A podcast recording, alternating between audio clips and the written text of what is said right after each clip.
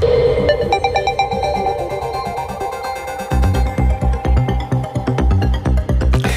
Labdien, ir 5 minūtes pāri 12. ir 4. diena, 3. augusts, un turpmākajā pusstundā ziņu raidījumā pusdiena plašāk skaidrosim šīs dienas būtiskākos notikumus. Studijā Kristofs Feldmanis. Esiet sveicināti! Ēdināšanas un viesnīcu pakalpojumu nozare atkārtoti aicina piemērot samazinātu PVN likmi ēdināšanas pakalpojumiem Latvijā. Nozare nosūtījusi arī vēstuli finanšu ministram Arvilam Ašerādenam un citiem valdības pārstāvjiem norādot uz riskiem ēdināšanas pakalpojumu nozares iznīkšanai Latvijā. Tikmēr komentējot nu pat atsāktajā nodokļu politikas darba grupā skatīto, finanšu ministrs norādījis, ka pieprasījumi pēc valsts izmaksām dažādās jomās pieaug un izmaiņas nodokļu sistēmā iespējams tikai tad, kad stabilizējusies inflācija. Plašāk Sintīs Ambotas ierakstā. Restorānu biedrība un Latvijas viesnīcu un restorānu asociācija lūdza valdību sarunās par nākamā gada valsts budžetu izskatīt priekšlikumu par samazinātu 12% PVN likmi ēdināšanas pakalpojumiem. Organizācijas norāda, ka ēdināšanas nozares apgrozījums ir sasniedzis aptuveni pirms Covid-19 pandēmijas līmeni, taču tās ietekmē uzkrāti liela nodokļu parādi, kā arī augot energoresursu un pārtikas cenām, nozara nav spējīga nosekt izmaksas. Turpina viesnīcu un restorānu asociācijas izpildu direktora Santa Graikste saglabājot standarta likmi vai nepiemērojot samazināto likmi un esošo uzņēmumu maksāt spēju, kas ēdināšanas uzņēmuma nozarē jau gan ilgu laiku vērtējama kā kritiska, tad, protams, šie uzņēmumi var tikt likvidēti un arī šis nodokļu parāds nekad tad netikt atgūts. Jo mēs arī redzam, ka eh, lielo uzņēmumu segmentā ir samazinājies uzņēmumu skaits un, un arī vidējo uzņēmumu segmentā ir pat par 25% samazinājies, kas norāda, ka tiešām ir šīs ietekme bijusi milzīga. Latvija ir viena no retajām Eiropas valstīm, kura nozarei pandēmijas laikā netika piemērota samazināta PVN likme. Līdz ar to Latvijas nozare iepaliek pakalpojumu ziņā pret kaimiņu valstīm. Situāciju iezīmē arī šefpavārs Raimons Zomers.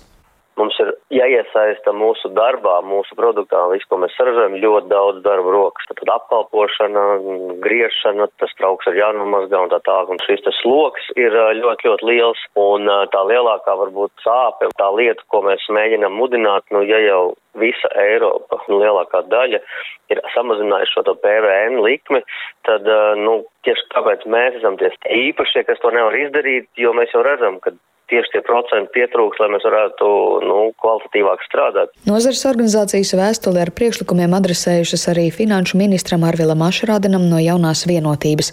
Tikmēr darba devēja nodokļu politikas darba grupā aicinājuši mazināt arī darba spēka nodokļus. Ministrs šorīt Latvijas televīzijai komentējot priekšlikumus sacīja, ka tas varētu būt iespējams paceļot citus nodokļus, bet konkrētus iespējamos scenārijus neatklāja. Vienlaiks ministrs uzsver, ka pieprasījumi pēc valsts izmaksām dažādās jomās pieaug un izmaiņas nodokļu sistēmā iespējams tikai tad, kad stabilizējusies inflācija valsts nodokļu sloks, iekasējumība ir uh, zemāka nekā salīdzināmās valstīs. Vidēji uh, līdzīga veida valstīs iekasējumība ir apmēram 32% no IKP, mums ir apmēram 30%. Nu, uh, šajā brīdī, kad ir milzīgs pieprasījums pēc izmaksām, kā jūs teicat, jau drošībā, nu, mēs nevaram būtiski samazināt teikt, nodokļu ieņēmumus. Šonadēļ pirmo reizi pēc vasaras pārtraukuma kopā sanāca nodokļu politikas darba grupa, kurā Finanšu ministrija partneriem ieskicēja iespējamo nodokļu izmaiņu spektru, par ko turpināt turpmāk plānots diskutēt. Sinti Ambot, Latvijas radio. Lūk, viesmīlības nozara rosina mazināt pievienotās vērtības nodokli un par nodokļu sistēmas izmaiņām spriež arī īpaši tam izveidota darba grupa, kas nu vakar pēc garāka pārtraukuma sanāca uz sēdi. Darba ir daudz un tas ir sarežģīts, jo jāatrod veids, kā piepildīt valsts budžetu. Papildu nauda ir vajadzīga daudzām jomām, kā aizsardzībai, tā medicīnai un citām. Lielu skaidrību par konkrētiem rezultantiem gan eh, vakar notikusī nodokļu sistēmas pārveids darba grupa neviesa, taču šorīt raidījumā labrīt sarunājos ar vienu no šīs darba grupas dalībniekiem, Latvijas darba devēja konfederācijas prezidentu Andri Biti, un turpinājumā lūdzu paklausīsimies viņa vērtējumu. Nu, var teikt, ka tas ir tāds zināms starpfinišs, kurā faktiski apkopoja visu sociālo partneru un, un, un dažādu politisko koalīciju esošo spēku un ministrijas ierēģiņu redzējumu vienā tabulā un apkopoja idejas, mēģināja noformulēt, kādas pamatnostādnes no sākuma, teiksim, uzstādījuma formā mēs gribam kā valsts sasniegt eh, jaunajā nodokļu sistēmā un tad iedot datu bāzi, kurā mēs varam sākt modelēt. Nesagaidījāt lielāku skaidrību jau pēc vakardienas darba grupas? Nu, protams, mums kā droši vien uzņēmēju organizācija un uzņēmējiem gribētos ātrāk virzību tajā procesā, bet mūsu uzstādījums tā ir labāk, kad mēs izdarām to nedaudz vēlāk, bet izdarām kvalitatīvi. Ir liela izšķiršanās jāpanāk par to, kādu nodokļu politiku mēs veidosim, attiecīgi pēc tam, kāds veidosies budžets, no tā, kad daudzus gadus, praktiski vienmēr Latvijai bijis eh, nodokļu politikas pamatu uzdevums piepildīt valsts kasi ar naudu, lai pietiktu visām vajadzībām. Lai jaunā nodokļu sistēma būtu veidota tāda, lai motivētu augt ekonomikai, augt vietējiem uzņēmumiem, attīstīt savu biznesu, eksportu, ļautu piesaistīt investīcijas. Bet Jā. tieši par, par idejām, varbūt jūs varat nu, kādas konkrētas idejas nosaukt, lai saprotu arī klausītāji, kas tā tad pamatnostādnēs no mūsu puses, teiksim, bija bez šīm sasniedzamajiem mērķiem, kā es jau iepriekš uzskaitīju, uh, ir primārais darbspēku nodokļu sloga uh, konkurētspēja, lai nebūtu tā kā līdz šim, uh, kad mūsu darbspēka nodokļi eh, par katru eiro, ko mēs samaksājam savam kolēģim algā, ir lielāki nekā Lietuvā, Igaunijā un Polijā. Un tas beigās rada uh, negatīvas sekas vai nu attīstībā, uzņēmumu vai darba algu lielumā, neto algas, ko saņem cilvēku uz rokām, vai veido pelēko ekonomiku lielāku nekā vajadzētu un tam līdzīgi. Uh, Primārais ir darba algu nodokļu sloga konkurētspēja, plus ar darba algu saistīto visu izmaksu konkurētspēju. Otra lieta ir nodokļu sistēmas vienkāršošana, jo viņi mums ir sarežģīti un ļoti grūti mazam vidējiem uzņēmējiem viņu saprast. Trešā lieta, ļoti svarīga lieta, ir mazā biznesa regulējums. Lai būtu iespējams visiem mazajiem biznesiem iziet no pelēkās zonas. Mēs uzskatām, ka nodokļu ieņēmumi no tā tikai palielinātos. Viena no pieejām ir samazināt darbspēka nodokļus, palielināt patēriņu nodokļus. Kā, kā jūs to skatāties? Nu, šeit ir jautājums tālākais, kā viena no idejām tāda ir. Uh, ir tālākais jāliek modelī, kurā mēs spējam, uh, tie, kas veido šo modeli, un spējam tālāk veidot dažādas scenārijas, skatīties, kā tas ietekmēs ne tikai ieņēmumus vai izdevumus valstī, bet kā tas ietekmēs uzma, uzvedību gan uzņēmējiem, gan uzņēmumiem, gan investoriem, gan patērētājiem. Ja? Jo pārāk liela nodokļa kaut vai patēriņiem bieži vien eh, prasa arī vai, vai, vai motivē izvairīties no viņiem. Mērķis ir izveidot sistēmu, kas strādā, nevis kas formāli ir un visi viņu apiet. Tik tālu Latvijas darba devēja konfederācijas prezidents Andris Bite par plānoto nodokļu reformu, bet šobrīd pievērsīsimies ārzemju notikumiem. Parīze ir pieprasījusi Nigērā varu pārņēmušajiem militāristiem garantēt drošību Francijas vēstniecībai valsts galvaspilsētā Niemejā. Vēstniecības ēka ir piedzīvojusi uzbrukumus, bet Niemejā ir notikuši pret Franciju vērsti protesti. Savukārt ASV ir paziņojusi, ka evakuēs no Nigēras daļu tur strādājošo diplomātu.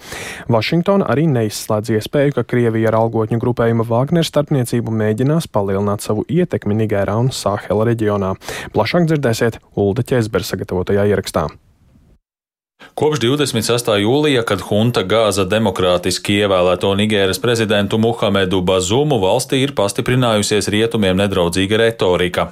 Visvairāk ir kritizēta bijusī koloniālā vara Francija. Pagājušajā svētdienā apvērsuma atbalstītāji uzbruka Francijas vēstniecības kompleksam galvaspilsētā Niemejā, aizdedzinot ēkas sienas un izsitot logus, bet šonadēļ pilsētā ir izplatīti aicinājumi iedzīvotājiem pulcēties uz jauniem protestiem. Francijas ārlietu ministrija šodien pieprasīja huntai pilnībā garantēt gan Francijas, gan citu ārvalstu diplomātisko pārstāvniecību un diplomātiskā personāla drošību, norādot, ka Nigērai ir šādas saistības saskaņā ar starptautiskajām tiesībām. Francija šonadēļ uzsāka savu un citu Eiropas valstu pilsoņu evakuāciju no Nigēras. Reaģējot uz to, huntas vadonis ģenerālis Omars Čiani vakar televīzijas uzrunā paziņoja, ka Francijas pilsoņi Nigērā nekad nav bijuši pakļauti pat vismazākajām briesmām. Lielbritānija šodien paziņoja, ka uz laiku samazinās darbinieku skaitu vēstniecībā Niemejā, pamatojot šo lēmumu ar drošības situāciju Nigērā. Arī ASV paziņojusi, ka evakuēs no Niemejas daļu savu diplomātu un viņu ģimenes locekļus, bet vēstniecība joprojām būs atvērta un tajā darbu turpinās vēstnieks un citi vadošie darbinieki. ASV valsts sekretāram Antonijam Blinkenam vakar ir notikusi kārtējā telefona saruna ar gāsto Nigēras prezidentu Bazumu. Sarunas laikā Blinkens atkārtoti ir uzsvēris ASV apņemšanos palīdzēt atjaunot Nigēras demokrātiski ievēlētās valdības darbu. ASV rīcībā nav informācija par Krievijas algotņu grupējuma Wagner mēģinājumiem piedāvāt Nigēras huntai savus pakalpojumus, taču šādu iespēju nevarot izslēgt, paziņojis ASV valsts departamenta runasvīrs Metju Millers. Uh, es nebūtu pārsteigts, ja Wagner mēģinātu izmantot šo situāciju savā labā, tāpat kā viņi ir mēģinājuši izmantot citas situācijas Āfrikā savā labā. Un sakot savā labā, es ar to domāju viņu personīgo finansiālo labumu, kā arī mēģinājumu paplašināt savu ietekmi kontinentā. Taču es gribētu piebilst, ka jebkurš Nigēras militāro līderu mēģinājums ievest Wagner spēkus Nigērā būtu zīme, vēl viena zīme, ka viņiem nav svarīgas Nigēras iedzīvotāju intereses. Mediji vēsta, ka vakar Nigēras militārās huntas pārstāvji ir viesojušies kaimiņu valstī Mali, kur 2021. gadā arī notika militārs apvērsums. Nigēras ģenerāļu vizīte likusi uzdot jautājumu, vai tās laikā nav runāts par sadarbību ar grupējumu Wagner, kas Malī ir izvietojis aptuveni 1500 kaujinieku. Uldis Česberis, Latvijas radio. Un turpinot sekot ārvalstīs notiekošajam, nu pievēršamies Ukrainai. Tās galvaspilsēta Kīva aizvadītajā naktī piedzīvojusi masīvu dronu uzlidojumu, un vairāk par situāciju Kīvā esam šobrīd sazinājušies ar Latvijas radiokorespondentu Ukrainā Indru Sprānci un varam uzzināt ko vairāk. Sveika, Indra!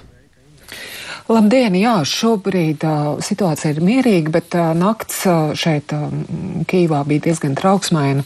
Gaisa trauksme tika izsludināta vienos naktī un turpinājās līdz pat četriem no rīta. Un uh, šo te trīs stundu laikā Krievija raidīja Kīvas un tās apkaimes virzienā gan bezpilota, bezpilota dronus, gan arī izlūk dronus. Kopumā Ukrainas bruņotie spēki vēsta, ka pagājušā naktī notriekti 15 Irānā ražotie šahed droni un 7 izlūk droni.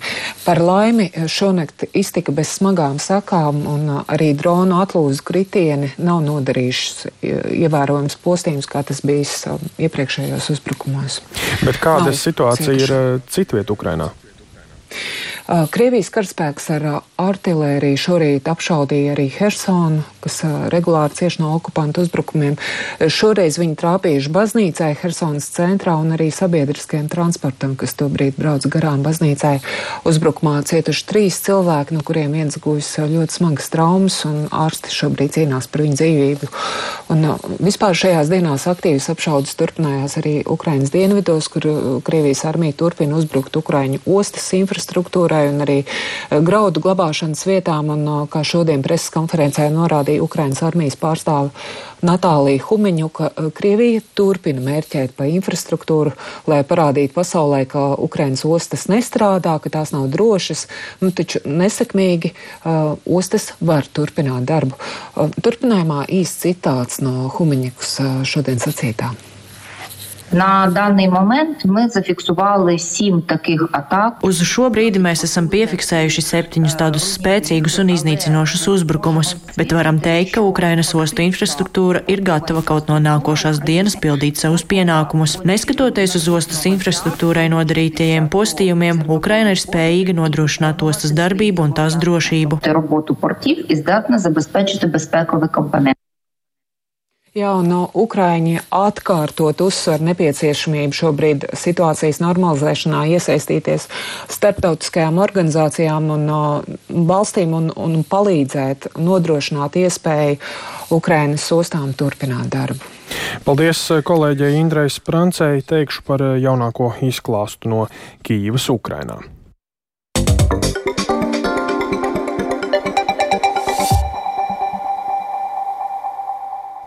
Bet atgriezīsimies pie pašmāju aktualitātēm.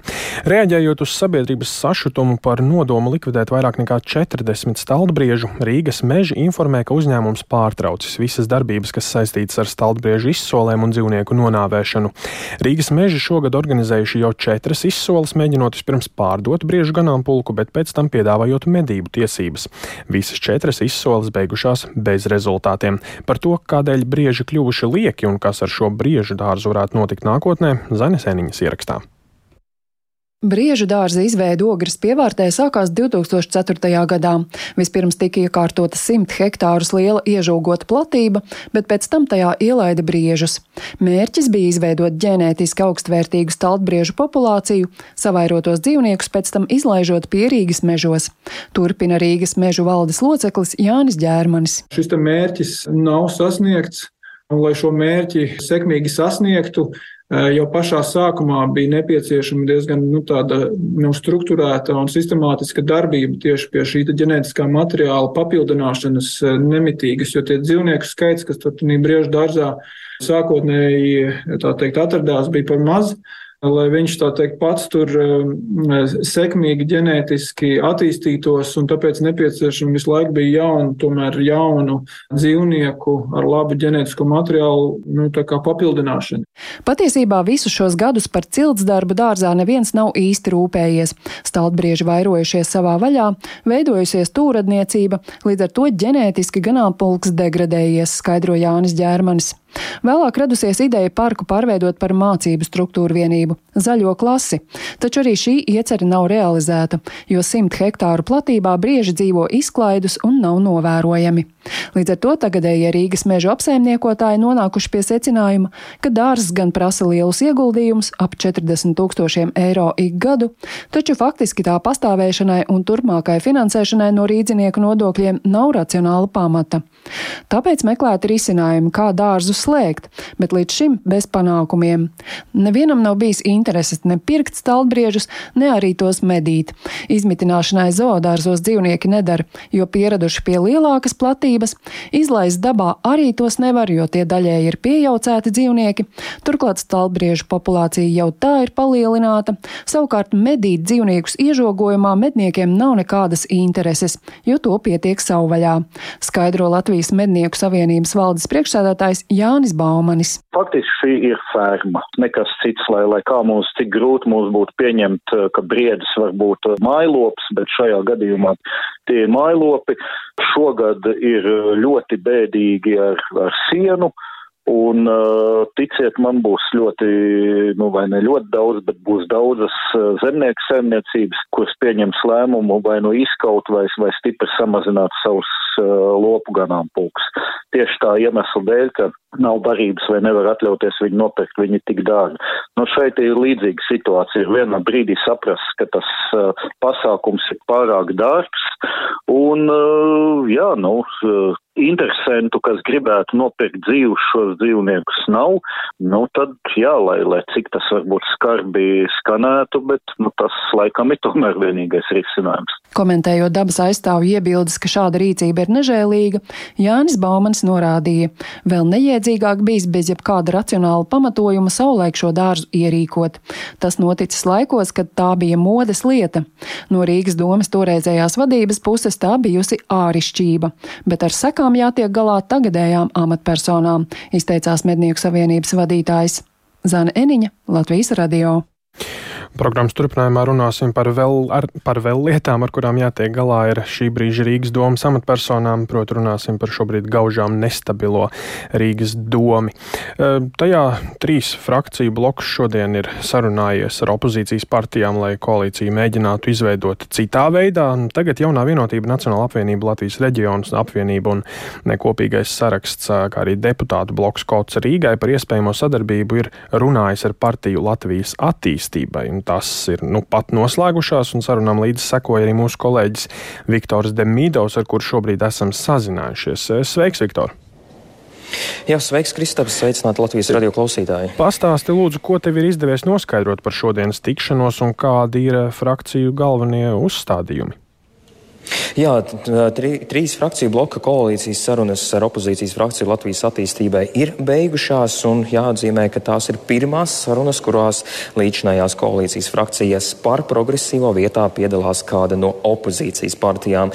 Un mēra pienākuma izpildītājs Vilnis Čirsis no jaunās vienotības paziņoja, ka ar Latvijas attīstībai ir konceptuāli vienojušies par sadarbību. Latvijas attīstībai esot piekrituši jaunās vienotības Nacionālās apvienības Latvijas reģiona apvienības un deputātu bloka kods Rīgai piedāvātajam sadarbības memorandam. Latvijas attīstībai sarunās piedalījās attālināti, tāpēc viņu viedokli pagaidām vēl neesmu noskaidrojis.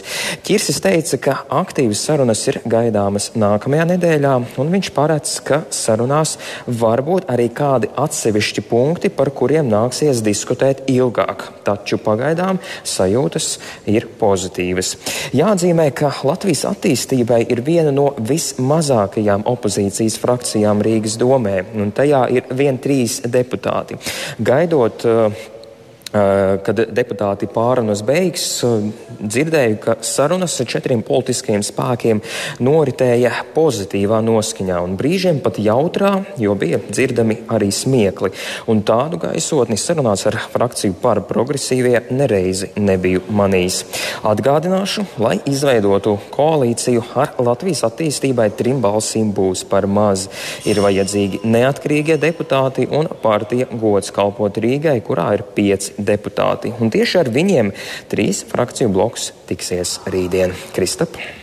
Paldies, Viktor, par izklāstu Viktoram Demīdovam, kurš jau e, visu šo nedēļu seko norisēm Rīgas domē. Tad arī e, sakām paldies. Turpinam mūsu programmu ar šo pašu tēmatu. Ir apritējis jau aptuveni mēnesis, kopš Rīgas domē ir sākušās šīs pārmaiņas, un eksperti lēš, ka šīs pārmaiņas ir jāskata arī kontekstā ar notiekošo valdībā. Bet kādēļ par progresīvajiem Rīgā nav izdevies vienoties par kopīgu darbu ar trīs partiju bloku un ko tas nozīmē Rīgas? Rīgas domē un arī pašiem varu zaudējušajiem par progresīvajiem. To šajā rītā raidījumā labrīts eh, prasīju Mārtiņam Kosovičam, partijas progresīvajai valdes loceklim un Rīgas domas deputātam, kā arī par progresīvo frakcijas priekšsādātājiem. Lūdzu, paklausīsimies fragmentu.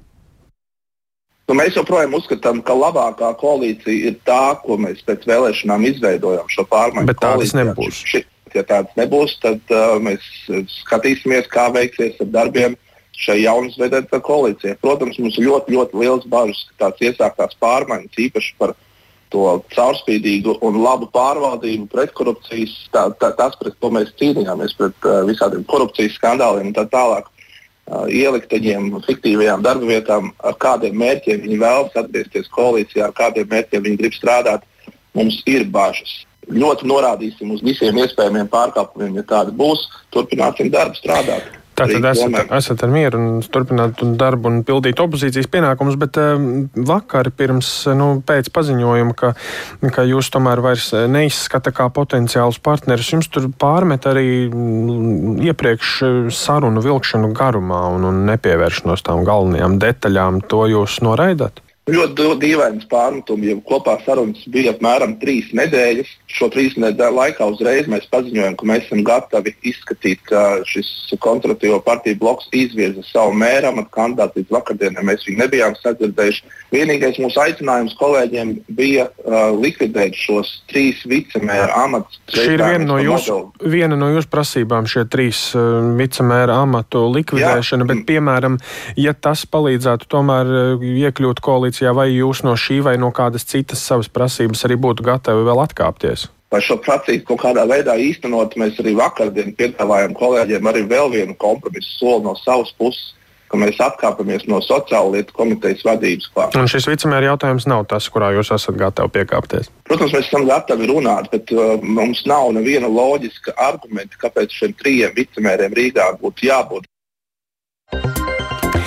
Un ar šo tēmatu arī izskan redzējums pusdiena. Producents Kārlis Dagilis, ierakstus montēja Uldis Grīnbergs, par labskaņu rūpējās Katrīna Bramberga, bet ar jums sarunājās Kristaps Feldmanis. Vēlreiz īsumā par svarīgāko. Restorānu un viesnīcas arvien uzstājīgāk aicina samazināt PVN viesmīlības pakalpojumiem. Tas notiek apstākļos, kad jaunajās nodokļu pamatnostādnēs grib sabalansēt valsts tēriņus ar konkurētspējas palielināšanu.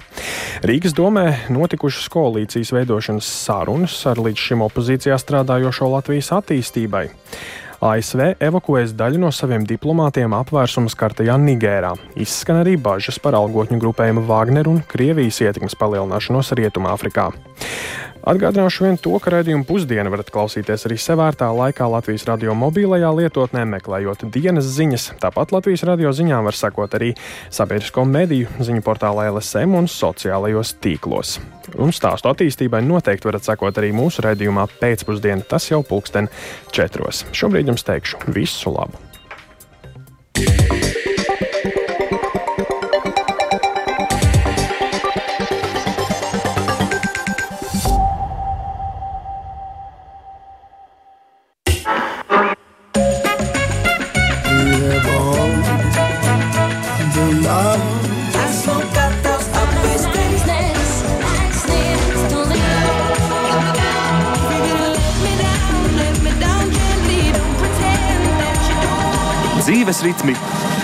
Ameerika